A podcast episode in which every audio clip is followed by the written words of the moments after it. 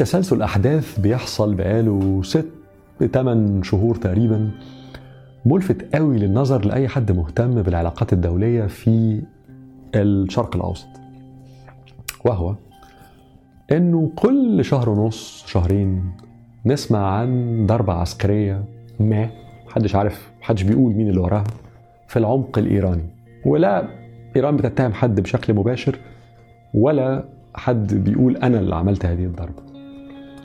لكن لفت النظر إنه في آخر يناير 2023 ضربة تقيلة قوي في العمق الإيراني لمكان يقال إنه من الأماكن اللي بيحصل فيها تطوير للبرنامج النووي الإيراني إنه بعد هذه الضربة أمريكا طلعت وقالت مش إحنا اللي ورا هذه الضربة. طبعا أول ما أمريكا قالت كده راح على طول ناس كتير قوي قالت آه يبقى إسرائيل هي اللي ورا هذه الضربة. لكن إسرائيل ما قالتش إن هي ولا نفت. ولا إيران وجهت اتهام مباشر. فده النقطة رقم واحد. النقطة رقم اثنين إنه إسرائيل لديها النهارده الحكومة الأكثر يمينية في كل تاريخ إسرائيل. فغالبا الحكومة الأكثر يمينية هتبقى الأكثر التصاقا اتباعا لدوكترين عقيدة في الأمن القومي الإسرائيلي مشهورة قوي واتكتب عنها مليون ألف مرة وهي أن إسرائيل لا تقبل بوجود قدرة نووية عسكرية لدى إيران. وقدرة نووية غير سلاح نووي لأنه سلاح نووي ده معناه أنه درجة تخصيب عالية قوي لليورانيوم يعني تكنولوجيا متطورة قوي معناه صواريخ متطورة قوي قادرة للوصول لعمق معين معناه دقة معينة في الضرب قصة فيها تفاصيل كتير. لكن قدرة نووية دي معناها dirty bomb يعني معناها إن حد عنده القدرة إن هو يعمل ضربة من نوع ما. ردع يعني. فإسرائيل عندها عقيدة بتقول لن نسمح بقوة نووية. ف point number 2 إنه في النهارده حكومة هي الأكثر يمينية في تاريخ إسرائيل يبقى غالبا هتكون الأكثر اتباعا لهذه العقيدة.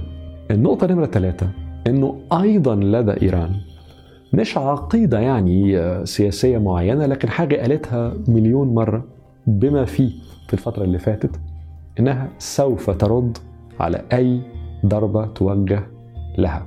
وفعلا من سنتين ثلاثة عندما قامت أمريكا باغتيال قاسم سليماني في العراق إيران استنت شوية لكنها ردت وردت بضربة لموقع عسكري أمريكي في العراق. صحيح الضربة كانت محسوبة يعني يعني إيران كانت حذرة قوي إنه محدش يموت في هذه الضربة لكنها ردت. فالبوينت نمرة أربعة ولا نمرة خمسة إنه إذا كان حدث عدد من الضربات في إيران في العمق الإيراني. آخر واحدة فيهم كانت في آخر يناير 2023 يبقى ممكن بناء على هذا التسلسل إنه يكون هناك رد إيراني. هل الرد الإيراني هيكون على إسرائيل؟ إذا كان في الحساب الإيراني إن إسرائيل وراء هذه الضربات. طب إذا كان على إسرائيل هيكون في العمق الإسرائيلي ولا هيكون في تواجد لإسرائيل في المنطقة حول إيران؟ محدش عارف. لكن هذا التسلسل ممكن يخلي أي حد مهتم بالجيوبوليتكس يقول إيه اللي ممكن يحصل؟ في سيناريو بيقول إنه إيران هترد وإنها إذا ردت سواء بقى في العمق بره إسرائيل هترد.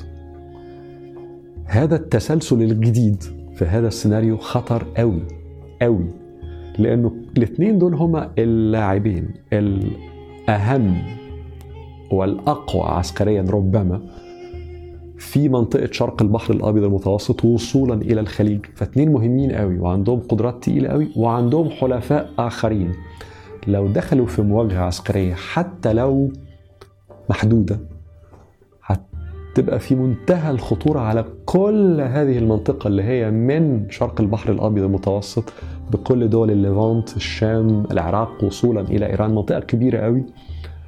ده سيناريو خطر للغاية. لكن على الناحية التانية ممكن حد يجي يقول كل ده كلام فارغ ما فيش مواجهات ولا بتاع. وإنه السيناريو الثاني هو إنه محدش عايز خالص أي مواجهات عسكرية هذه الأيام. ليه؟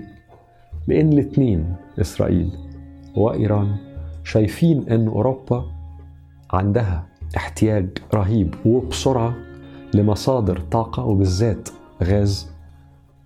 الآن وفي المستقبل المنظور بشكل مهول عشان أوروبا بتحاول تخرج بره الاعتماد على الغاز ال... بس الغاز يعني كل مصادر الطاقة الروسية. فهنا في انسنتف كبير قوي في فرصة كمان كبيرة جدا أمام مصدرين الطاقة في العالم بالذات الغاز إن هم يبيعوا لأوروبا ويعملوا عقود طويلة مع أوروبا الأيام دي وبأسعار كويسة قوي. إسرائيل عندها غاز. وإيران طبعا عندها غاز وشرق البحر الأبيض المتوسط. أما مصدر للغاز أو طريق للغاز.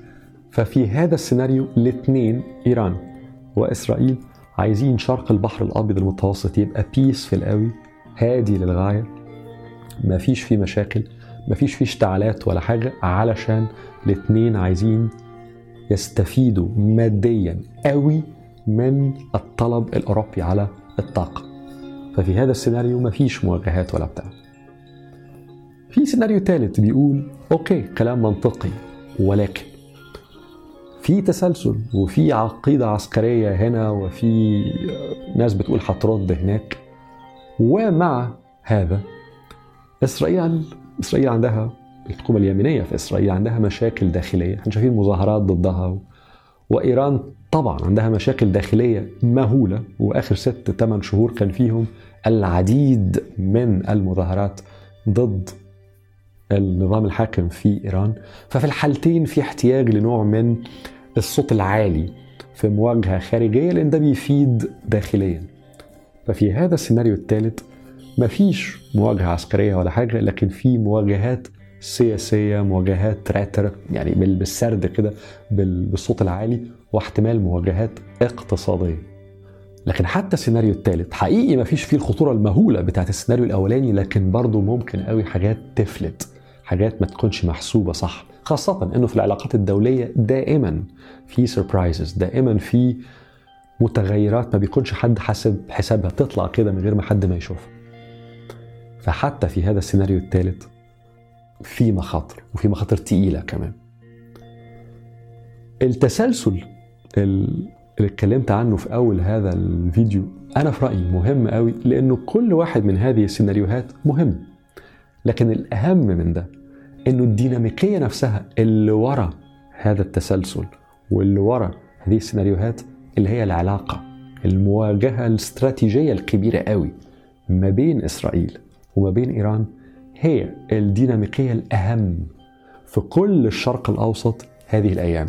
فأي حد مهتم بهذه المنطقة وأي حد غاوي إنه يفكر أو مهتم إن هو يفكر في الجيوبوليتكس في العلاقات الدولية في السياسة الجغرافية لهذه المنطقة يهمه قوي التفكير في هذا التسلسل.